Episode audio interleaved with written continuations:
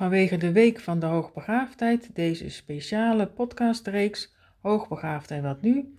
En vandaag is bij mij te gast Wendy van Michum van bewustleven.eu. Ja, daar mag je mij dus voor wakker maken. Het mag, kan me niet complex genoeg zijn.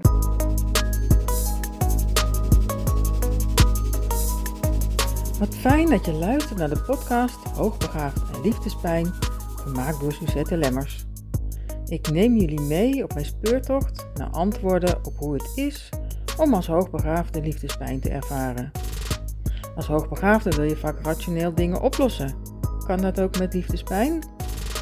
Is de bedrading van het brein van de hoogbegaafde anders, waardoor je liefdespijn heftiger ervaart? Dus antwoorden op het gebied van hoogbegaafdheid en liefdespijn en de dingen die hiermee kunnen samenhangen, zoals hooggevoeligheid, trauma en narcisme. Iedere week inspirerende interviews, waardevolle inzichten over wat liefdespijn kan zijn en praktische tips hoe jij als hoogbegaafde met jouw liefdespijn om kunt gaan, zodat er weer liefde in jouw leven kan stromen. Welkom eh, Wendy in deze podcastreeks uh, Hoogbegaafd en wat nu. Fijn Ja. dat je eraan mee wilt doen. En, eh, Graag gedaan, dank je dat ja, ik aanwezig ik ben, mag zijn. Ja, ik ben heel benieuwd naar jouw verhaal en ook eh, ja, hoe, je, hoe je erachter gekomen bent dat je hoogbegaafd bent en hoe dan jouw weg daarin ook gelopen is. Dus eh, nou, stel je even kort voor en ehm, ja, vertel verder. Nou, eh, stel vooral ook vragen, want anders Ja, hou ik ik een heel doen. verhaal en dan sluit het misschien niet aan. Ja. Ja. Ja, mijn naam is Wendy van Michem. Ehm, ik woon en werk vanuit Groningen. Ik ben opgeleid als psycholoog en socioloog. Ik heb eh, een halve bedrijfskundige, ben ik ook nog. En eh, ik heb een Europese registratie in psychotherapie. Ja, en ik heb een eigen bedrijf al ehm, meer dan twintig jaar. Ben ik zelfstandig ondernemer en ik heb jarenlang een psychologenpraktijk gehad. En sinds 2014 richt ik mij op ehm, professionals en bedrijven, of ondernemers, mensen in bedrijven en organisaties ja, ondersteunen. Ja, En ik schrijf psychologieboeken en die geef ik ook zelf uit. En, eh, en die zijn te vinden op, alleen via mijn eigen webshop, psychologieboeken.eu. oké. Dus, interessant. eh, dus, eh, Eh, ja, mijn eerste vraag is eigenlijk, ja, hoe ben je erachter gekomen dat je hoogbegaafd bent? En, en wat heeft dat toen met je gedaan? Ik ben erachter gekomen toen ik 22 was, studerende en me te pletter verveelde. En toen dacht ik, dat is toch wel een beetje raar. Als je een universitaire studie volgt en ik film nog steeds zo te pletten, dat, is, dat klopt niet. Maar ik had ook niet het vertrouwen om een tweede studie ernaast te doen. En, eh, via eh, de ouders van een eh, vriendin van mij, oud, oud vriendin van mij, die zeiden van, goh, misschien moet je eens laten testen. Dus dat heb ik toen gedaan. Ik, ben, ik heb zo'n Mensa-test gedaan, ook echt dat je zo'n dag heen gaat. En, nou ja, en daar kwam uit dat ik hoogbegaafd ben. Ja. ja. Ja. Ja, en, dat, en daar heb ik toen eigenlijk verrassend weinig mee gedaan. Behalve dat ik wel die tweede studie ben begonnen. Ja. En, ehm, En hoe kan dat dan? want Dat ik, je... ik studeerde al sociologie en ik heb toen eh, psychologie ernaast gedaan. En voor de rest veranderde er niet heel veel. Nee. En, en deed je Nee. die test voor een soort ehm, bevestiging wat je eigenlijk al wist? Of hoe, eh, hoe zat het? Nou ja, ik voelde me wel heel onzeker en, eh, en ik was heel erg zoekende. Het is, komt ook mijn achtergrond. Ik was verstoten door mijn familie, dus ik was sowieso een beetje een, een verzopen katje in de grote wereld. Dus sowieso, mm, ja, ik had nog veel dingen uit te zoeken, ook persoonlijk. En ehm, ja, dus ik deed maar een beetje zo goed als kon. En, eh, en ik had toch veel eh, posttraumatische stress die ik ook eh, ervoer. Dus, daar was ik druk, dus ik was in therapie en daar was ik druk mee bezig. En ik merkte dat die studie, dat ik dat eigenlijk gewoon in een weekje deed. En dan had ik weer vijf weken wat ik intensief met mijn eigen herstel en ontwikkeling bezig was. En ik kon ook niet goed leren leren. Dat, en dat zeg ik, dat vinden mensen heel raar. Maar ik heb zoveel studies gedaan en ook wel afgerond. Maar ik kan nog steeds niet goed leren. Oh, Dus dat is, ja, dat is is- en interessant. dat kan- ja. dat kan heel goed samengaan. Ja, En hoe, ik ben heb je dan, hoe, hoe heb je die diploma's gehaald dan? Hoe ben je door die studies heen gerold? Ja, je gaf al aan, Ja. in één week deed ik al wat anderen zes, vijf, zes weken over deden. Dus ja. Ja, ja. nou ja, eh, ja, ik vond het niet heel uitdagend. Ik had wel genoeg te doen. Ik verveelde me nooit. Maar om nou te zeggen dat ik werd gevoed, dat ik prikkelende vragen kreeg, dat ik werd gestimuleerd om zelf na te denken, dat mijn andere manier van kijken of zienswijze werden gevoed en beloond. Nee, niks. Nee. tweede studie hielp ook niet trouwens. Nee. nee. Was dus in die zin ben ik wel erg teleurgesteld. Ja, ja. ja, ik ben wel echt teleurgesteld geraakt. Ik dacht, nou, als dit het niveau is, ja. En, dus, en wat bracht je dan om dan toch verder te gaan in die studies? Want er zit een bepaalde nou, drive achter. Ja, nou, ik had ook ik had geen vangnet. Ja, ik toch ook een zelfstandige vrouw die zichzelf moet zien te redden in de wereld. Dus ik dacht, nou, een diploma is wel handig. Los van wat je ermee gaat doen. Maar zo'n papiertje wel handig. Ik, bedoel, dat, dat zo, zo, ik was wel zover dat ik niet van plan was om de maatschappij ook daarin al te veranderen. dus ik dacht, ik zal me toch een beetje moeten voegen. Ja. In ieder geval maar wat diploma's halen. Ja. Nou, dat heb ik braaf gedaan. En um, ja, hoe ben je dan, want je zegt ik kan niet leren leren, hoe heb je je daar dan wel doorheen uh, gerold? Nou, ik, ik kan wel heel goed structuren aanbrengen. En, uh, en ook, nou ja, ik heb, ik heb veel vrij, ik voel, nou, ik wil heel graag aansluiten bij wat nodig is, wat niet per se hetzelfde is als wordt gegeven of wat ik of anderen willen. Dus ik, ben, ik heb wel een heel diep commitment aangegaan. Dus ook om te doen wat nodig is. Daar, ja, daar heb, en, en daarvoor heb ik structuren aangebracht en dingen. En ook soms achteraf gezien structuren aangebracht waarvan ik denk van, nou, is toch niet zo heel handig. Nou, dan pas ik hem aan. maar zo eigenlijk, ja, mezelf uit de goot gehaald. Ja. ja. Knap, ja. knap. Ja, en, levenskracht um, of zo, hè, noemen ze dat. Ja. ja. Ehm, en je hebt twee studies gevolgd. En toen? Wat, uh, toen je had de test van Mensa gedaan. Ja, dus, en ook en, uitnodiging gekregen. van uh, je bent hoogbegaafd. Ja, heb je daar dan nog verder wat mee gedaan? Of hoe, nee, uh... pas. Ik, ben, ik, ik, ik had een leuke, leuke partner en we zijn getrouwd, een kind gekregen. En pas toen ik moeder werd en kinderen kreeg, die, ja, toen kwam er pas een noodzaak. Ja, niet dat dat ook voelbaar voor mij, dat ik dacht, ja, verdorie zeg, dit gaat toch niet helemaal goed. dit is toch, ja, ik denk, ik kan me wel aanpassen en, uh, en, uh, en me een slag in de ronde werken en zorgen dat ik de boel een beetje bij elkaar hou. Maar ja, voor mijn kinderen gun ik het toch wel anders. En toen zag ik wel dat het, gewoon, ja, dat ze heel erg, en ook stront onzeker als ouder, weet je, als moeder, ja, eerste keer moeder, ik denk, nou, moet je ook alles opnieuw leren. Maar wel, ik zeg, ja, dit gaat wel het gaat, nou ja, ik zag wel rare dingen of zo. Of opvallende dingen. Niet per se raar, ook mooi hoor. Maar wel dat ik dacht van, oh jee, als je dat nu al kan, hoe moet dat straks dan? Dus ik, dus ik had wel veel zorgen. Ik dacht van, ja, dit gaat niet in een standaard programma passen. En dat bleek ook zo. We hebben... Je zag dus dat je kinderen ontwikkelingsvoorsprongen, ontwikkelingsvoorsprongen hadden. hadden. Ja, ja. ja. En tegelijkertijd dingen ook heel moeilijk vonden. Dus leren leren bijvoorbeeld, om het geduld op te brengen, om niet in één grote stap alles al in één keer te kunnen. Maar echt jezelf de ruimte te geven dat je dingen mag oefenen en leren. Ja, dat is toch wel een dingetje voor veel hoogbegaafde mensen die ik ook ken. Dus ik was niet de enige. En mijn kinderen zijn ook niet de enige. Nee. Weet je, ja, dat is wel. Dat is, dat is ook waarom heel veel hoogbegaafde mensen leerde ik later leren leren zo moeilijk vinden omdat je zo zijnsgeoriënteerd bent vaak en ook veel dingen kan overzien of doorzien. Maar ja, om dan van jezelf te verwachten dat je het ook in één keer kan, dat is misschien niet heel realistisch. Maar ja, kom maar eens van dat verwachtingspatroon af. Ja. En de faalangst en het perfectionisme en de vermijding die daaruit voort kan vloeien. Ja, heel herkenbaar, heel herkenbaar. Ja, ja precies. Ja, ja wat, dus um, dus ja, dus pas toen mijn kinderen. Uh, via mijn, mijn kinderen hebben mij bij de hand genomen als ouder. En eigenlijk aangewezen van, uh, nou mama, doe het maar even anders, want dit gaat niet goed. En soms ook gewoon, uh, en dat is natuurlijk heel, niet rechtstreeks zo, maar eigenlijk, eigenlijk door voort, ik, ja, ik hou van ze en ik zie wat ze doen en ik heb genoeg psychologische en psychotherapeutische bagage, persoonlijk en professioneel, om, ja, ik wil gewoon graag bij ze aan kunnen sluiten. Wat ze, wie ze zijn en wat ze nodig hebben. Nou, en daar vloeide eigenlijk ook voor mij als ouder een heel mooi leerproces uit voort.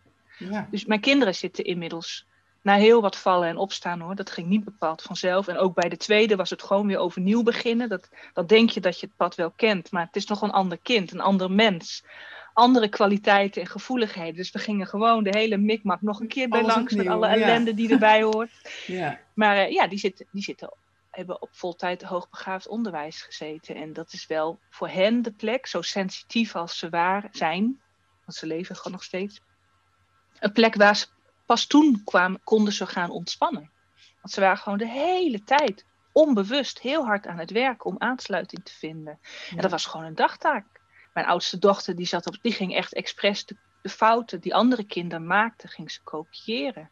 En ehm, zo op haar tenen lopen. En ook niet bewust of zo, niet expres. Maar het gaat, weet je, het is, zo'n basisbehoefte dat je ergens bij wil horen. En dat je aansluiting wil vinden. En dat je niet buiten de boot wil vallen. Dat activeert automatisch zoveel instincten. En zo, en zo eh, ja, dat je eigenlijk onbewust al hard aan het werk bent Ja. daarvoor. Ja. En, en, ja, je gaf aan bij je twee kinderen, zag je precies, eh, toch, eh, je moest helemaal opnieuw beginnen bij je tweede kind weer. Ja, Ehm, moest nog weer extra leren. Ja. Ja, is dat dan eh, het anders? Ja, ieder kind is natuurlijk ook anders. Dus, ja. ja, wat, wat voor verschillen zag je tussen hen? Nou, mijn oudste is heel, ehm, was heel verlegen. Een beetje extreem verlegen of- ook wel. En was heel gezagsgetrouw en volgzaam. Dus als je vroeg van, God, verveel jij je op school? Zei ze, nee hoor, want ik ben nog lang niet zo goed als de juf. Dus eh, ik kan nog, vast nog wel veel leren. Dus en, nou, dat, en dat kreeg je ook niet anders, zeg maar, gepraat. Dus, eh, en, mijn, en mijn jong, en de, en de tweede, die was, ehm, die was veel meer een doener. Die was helemaal niet zo verlegen. Die, die had meer zoiets van, ah, ik doe het wel. Die had meer bravoer. Die had, dus die had, die had zoiets van, ik, dat doe ik wel even. Maar ja, die voelde zich, ja, die had zoiets van, doen die andere kinderen nou? Waarom snap je me niet? En, eh, dus die ging het meer fysiek uiten ook. Als die gefrustreerd raakte of dan ging die echt wel duwen en slaan. Nou, dat vonden we toch wel grensoverschrijdend. Ja, Ik dacht, ja, dat moet heftig, toch anders? heftig, ja, ja. Dacht, ja, is toch, het is toch niet de toekomst die we, voor je, die we je gunnen. Dus daar moeten we toch wel wat aan doen. Dus het is, ja, het is ook die signalen opleren pakken. En op, en op zoek naar de juiste mensen om, die dat kunnen en willen begeleiden. Want heel veel mensen het is, kunnen dat ook niet begeleiden. Omdat ze het niet zelf zien. Omdat ze het anders in een ander kader plaatsen dan hoogbegaafdheid. Dat is ook wel, ik ook wel geleerd van de zoektocht in, hè, op zoek naar de juiste ondersteuning voor mijn kinderen. Ik dacht, ja, op een gegeven moment zit je ook zo, heb je zoveel gedragsproblemen waar die kinderen mee thuiskomen. Want op school heel aangepast en thuis komt dan alle opgekropte spanning eruit. Ook dat op een gegeven moment ook wel dat je denkt van nou, wat het ook maar is. Maakt me ook, weet je, al is het een psychiatrische stoornis of maakt me niet meer uit. Als we maar duidelijkheid hebben. ja. Maar zelfs, ja, dus ook, nou ja, en ook nog een beetje beroepsdeformatie. Hè. Zowel mijn man als ik zijn eh, in de hulpverlening eh, opgeleid. Dus dan zie je ook wel soms de hele DSM eh 4, voor ons was het dan nog voorbij komen. Maar uiteindelijk bleek het, zodra de diagnose hoogbegaafdheid werd gesteld en daar een passende leeromgeving bij werd gevonden, verdween dat probleemgedrag als sneeuw voor de zon. Want dan Dat realiseerde je, ja, Ja, dat realiseerde ook je bij eh, je kinderen van, ehm, toen ze dat gedrag dus gingen vertonen, gaf je aan van ja, eh, hè, vanuit mijn eh, beroep en, en mijn man zijn beroep, ga je dan wellicht nog aan DSM eh 5 nu hè, gaan Ja. Eh, denken. Ehm, ja, je had niet gelijk het idee van, nou, ze vertonen dit gedrag omdat ze hoogbegaafd zijn, of dat zat er wel ergens, maar je zocht ook nog een andere verklaring? Ja, ook omdat, je, omdat wij in ieder geval, wij wonen in een dorp en de dorpsschool, wij hebben wel van allerlei dingen aangedragen. En er werd ook braaf beloofd dat dat zou worden opgepakt. Maar het duurt gewoon een poosje voordat je als ouder erachter komt en dat ook durft uit te spreken dat er helemaal niet zoveel veranderde. Ja. Sterker nog, dat er bijna niks veranderde. Behalve dat wij als ouders braaf aangehoord waren en een aai over de bol kregen. En we hebben ook wel gehoord van ja, maar elke ouder denkt dat zijn kind hoogbegaafd is. Dus je mag achteraan sluiten in de rij. Het zal allemaal wel een beetje meevallen. ja. Ja, het is gewoon ook veel ontkenning. En dat Ja. snap ik ook. Want als ik me verplaats in de, hoe dat voor leerkrachten en schooldirecteuren moet zijn. Nou, ik, dat kan ik me ook wel voorstellen dat veel mensen. Ja, iedereen wil het beste voor zijn kind. En eh, Dus het is, maar goed, nou ja, we hebben getest en het bleek inderdaad hoogbegaafd te zijn. Dus dan hebben we die discussie konden we dan vermijden. Ja. Daar konden we uitstappen. Maar uh, het ging niet vanzelf. Om, uh, ook, ook, het is niet zo dat je aangeeft dat je dan in één keer wordt begrepen. Niet als ouder, maar ook niet als kind. En we hebben natuurlijk vrij creatieve kinderen die ook wel. Ik snap ook wel dat leerkrachten het niet zagen. En sommige leerkrachten ook echt, nee, maar je, zo, die dochter is helemaal niet zo slim. Die is, die is gewoon, uh, die kan misschien HAVO of zo. Oh, okay. die, moet op, die, loopt, die loopt op de tenen. Ja, ze loopt inderdaad op de tenen. Misschien moeten jullie als ouders wat minder prestatiegericht zijn. Weet je? Ja, dus Er, is, er is zoveel voer voor miscommunicatie, misinterpretatie. Het is, het is, dat, daar komt geen einde aan.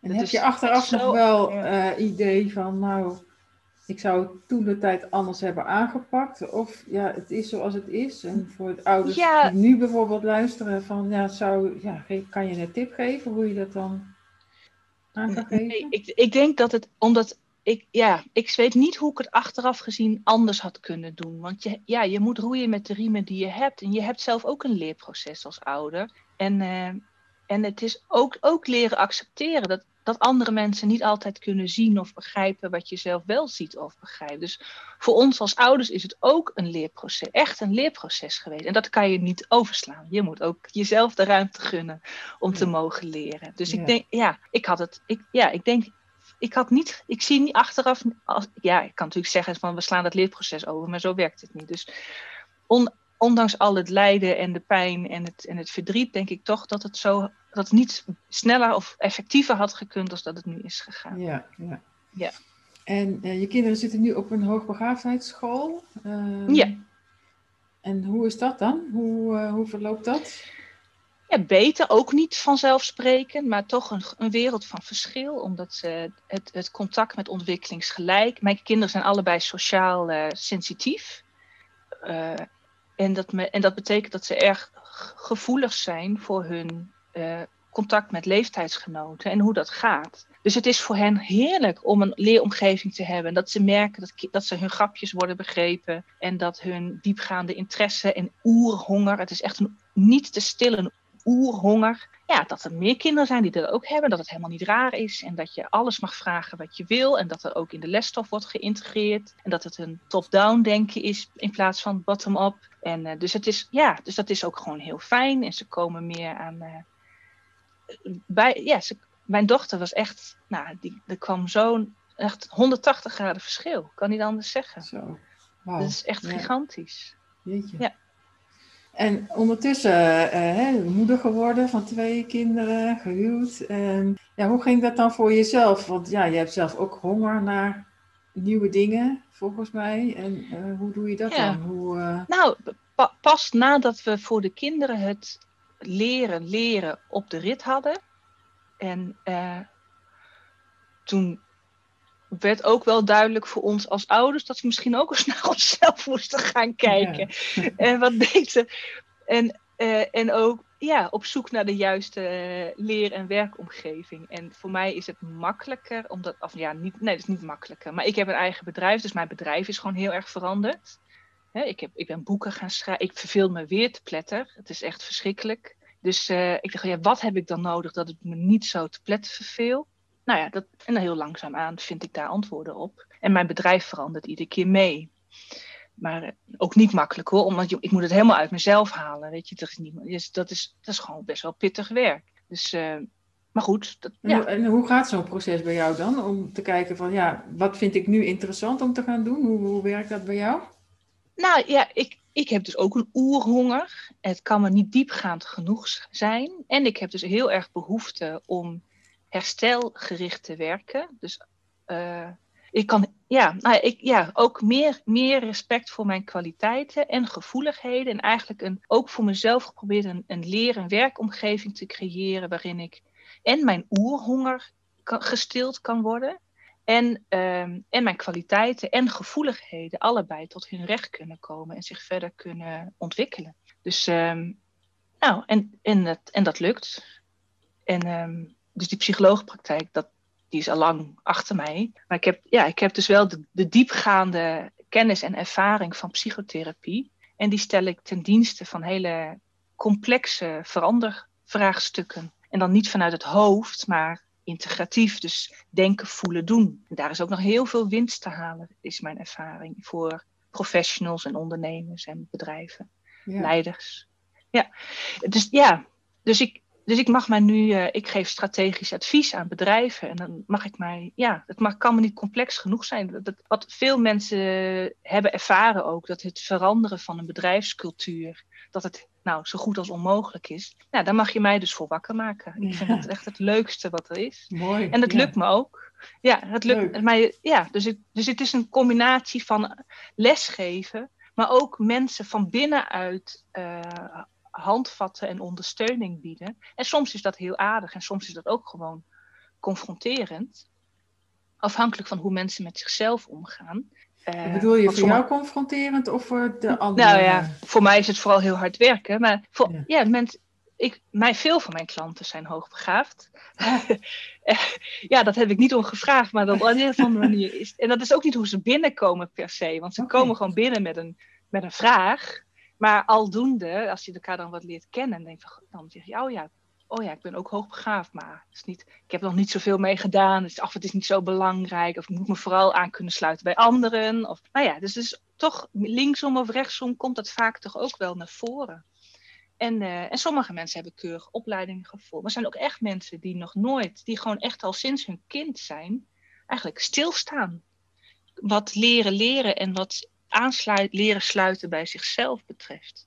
En, en hoe dus, komt eh, dat, uh, dat zij stilstaan? Je ziet dus anderen stilstaan en anderen uh, hebben wel hun weg gevonden. Waar denk je dat dat in kan zitten? Ja, we hadden eerder dit gesprek over die, bijna, over die basisbehoefte om aansluiting te vinden in contact met andere mensen. En ik zie wel dat veel hoogbegaafde mensen die werken daarin hard. Uh, en ook um, onbewust deels. Het, het voelt, het, je, je past je aan voordat je het doorhebt. Maar zo ga je wel met elke aanpassing ga je een stukje verder bij jezelf vandaan. Soms, hoeft niet, kan. Um, want het, kijk, als je jezelf, als je aanpast in contact met de ander, maar ondertussen ook het contact met jezelf koestert en bewaart, dan gaat het niet ten koste van jezelf. Maar als je aanpast van de ander ten koste van het contact met jezelf, nou, dan loop je natuurlijk wel uh, wat schade op na verloop van tijd. Ja. Dus daar, daar kijk ik met mensen naar. Of nou ja, kijken. ik ondersteun mensen dat ze, zichzelf, dat ze dat zelf leren herstellen. Ja. Dus als jij en hoeveel dat oplevert ook. Ja. Ja, en um, als je dus ingehuurd wordt hè, om een bedrijf uh, een bepaalde verandering in door te voeren, dan heb je dus en mhm. met de bedrijfscultuur te maken, met de processen en met de mensen zelf die daarin bewegen. Ja. Zie ik dat goed ja. zo? Ja. ja, dat zie je heel goed. Ja, dus echt heel complex. ja. Nou ja, en het leuke is, het gaat om, uiteindelijk om menselijkheid. En hoeveel ruimte is er dat je mens mag zijn en dat je mag oefenen en leren. Want hoogbegaafde mensen hebben vaak veel moeite om zichzelf die ruimte te gunnen. Uh, maar niet hoogbegaafde mensen vinden het ook moeilijk om zichzelf soms die ruimte te gunnen. Dus dat is ook een.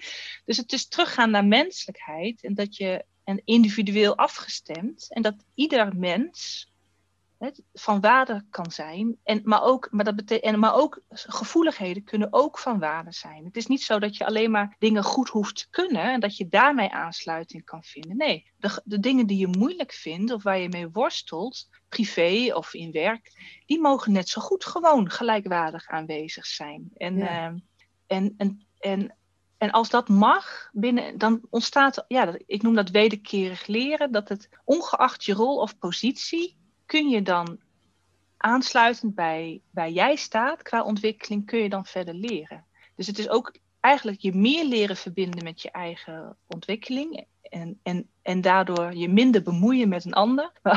Maar, ook en meer respect hebben dat ieder mens een eigen weg te gaan heeft. En zonder dat dat um, ten koste van uh, werkplezier of productiviteit of wat dan ook hoeft te gaan. Dat vaak hebben mensen maken er een of-of-of van. Het is heel vaak. Nou, en ik laat meer ervaren hoe het een en-en-en kan zijn. Ja, mooi.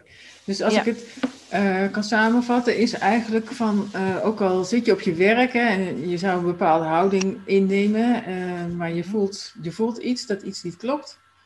maak het dan ook vooral bespreekbaar.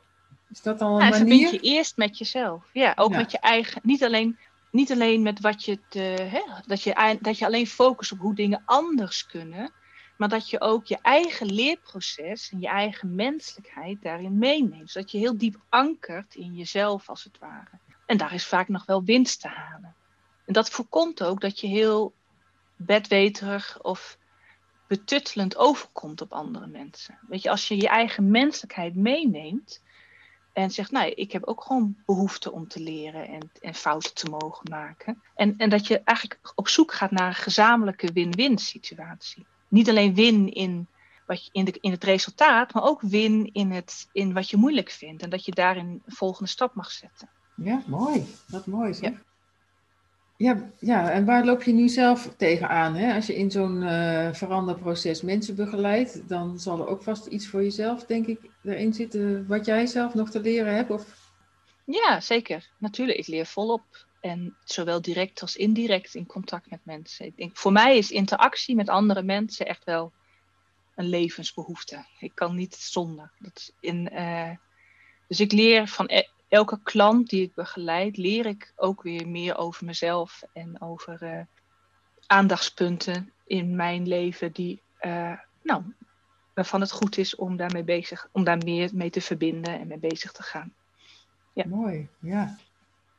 Ja, is er nog iets wat je aan de luisteraar als tip zou mee willen geven? Van ja, ik heb net ontdekt dat ik hoogbegaafd ben, of ik, ik denk dat ik hoogbegaafd ben. Ja, wat, wat zou dan een stap kunnen zijn? Of heb je een boek wat je aanraadt? Nou, al- als, ik vind het altijd fijn om aan te sluiten bij of bij noodzaak of bij nieuwsgierigheid. dus als je of voelt van ik zit klem en ik zou graag willen leren hoe ik mezelf meer ruimte kan geven. Of als je heel nieuwsgierig, en of, kan ook tegelijk allebei zijn, hè?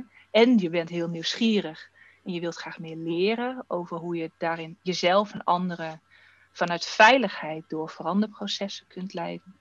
Ja, dat is toevallig waar ik ook over schrijf. Dus daar heb ik dan wel boekentips voor.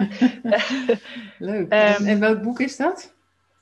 Ik, het boek De wijsheid achter emotie en gevoel is een handboek waarin eigenlijk de verschillende lagen van de menselijke natuur heel helder worden uiteengezet. En ehm, nou, waardoor je ook aan, aan het eind van elk hoofdstuk staan reflectievragen, zodat je jezelf beter kan leren kennen. Dat is ook de invloed van menselijkheid. Dus dat is, daar gaat het boek De wijsheid achter emotie en gevoel over. En ik heb ook een boek over leiderschap geschreven, Ah. handboek. Ervaar rust tijdens verandering en conflicten. Hoogbegaafde mensen hebben nog wel eens conflicten. ja, mooi. Dus, eh, nou, en ook hoe je eigenlijk, ja, hoe je, hoe je jezelf en anderen vanuit veiligheid door veranderprocessen kunt leiden. Daar gaat het boek, handboek Leiderschap over. Ah, Dus dat zijn, dat zijn interessant. tips ja. die Ja, ik heb. Heel Ja. interessant, ja. Ja, jij wilde ook nog iets eh, weggeven aan, eh, aan de luisteraar. Ja, eh, en ik heb ook zoveel vragen voor jou, Suzette. Ah. Het gaat alleen nog maar over mij. Ik wil graag ook over jou weten. Ja, Eh, ja, nou ja, kijk, als ben jij ondernemer of professional eh, of, of heb je een leidinggevende functie, dan heb je zoiets van, nou ja, dat lijkt me wel wat. Even een uur een gesprek met Wendy. Dan is voor de eerste die reageert met vermelding van jouw naam, Suzette, en deze podcast, Hoogbegaafd en Nu. De eerste die zich bij mij meldt, die mag een uur gratis eh, in gesprek. Daar luister ik, ben ik een uur beschikbaar. Ja, wat mooi. Ja, hartstikke fijn dat je dat wil aanbieden. Het lijkt me ook Ja. super interessant. Ja, ik mag het nu wel zo met jou doen, dus eh, Ja. ja. Nou ja, het gaat nog meer over mij dan over jou. Want als je dan bij me komt, dan gaat het vooral over jou natuurlijk. Over, ja, ja, precies. En de Dan is het geen interview meer. Nee. Nee, dan sta, ik ten dienste van je. Op, die manier ten dienste van ander. Nou, dankjewel Wendy. Nou, fijn, eh, fijn dat we zo hebben kunnen praten over eh, ja, wat jou drijft. Hartstikke bedankt. En, Heel graag gedaan. Bedankt dat je luisterde naar deze podcast Hoogbegaafd en Liefdespijn. Abonneer je op deze podcast zodat je iedere week weer naar een nieuwe aflevering kunt luisteren over dit boeiende onderwerp. Meer informatie over Hoogbegaafd en Liefdespijn vind je op justchange.live. Heb je suggesties over wie ik zou kunnen interviewen over deze onderwerpen? Laat het me weten via suzette.lemmers.gmail.com. Graag tot de volgende podcast Hoogbegaafd en Liefdespijn.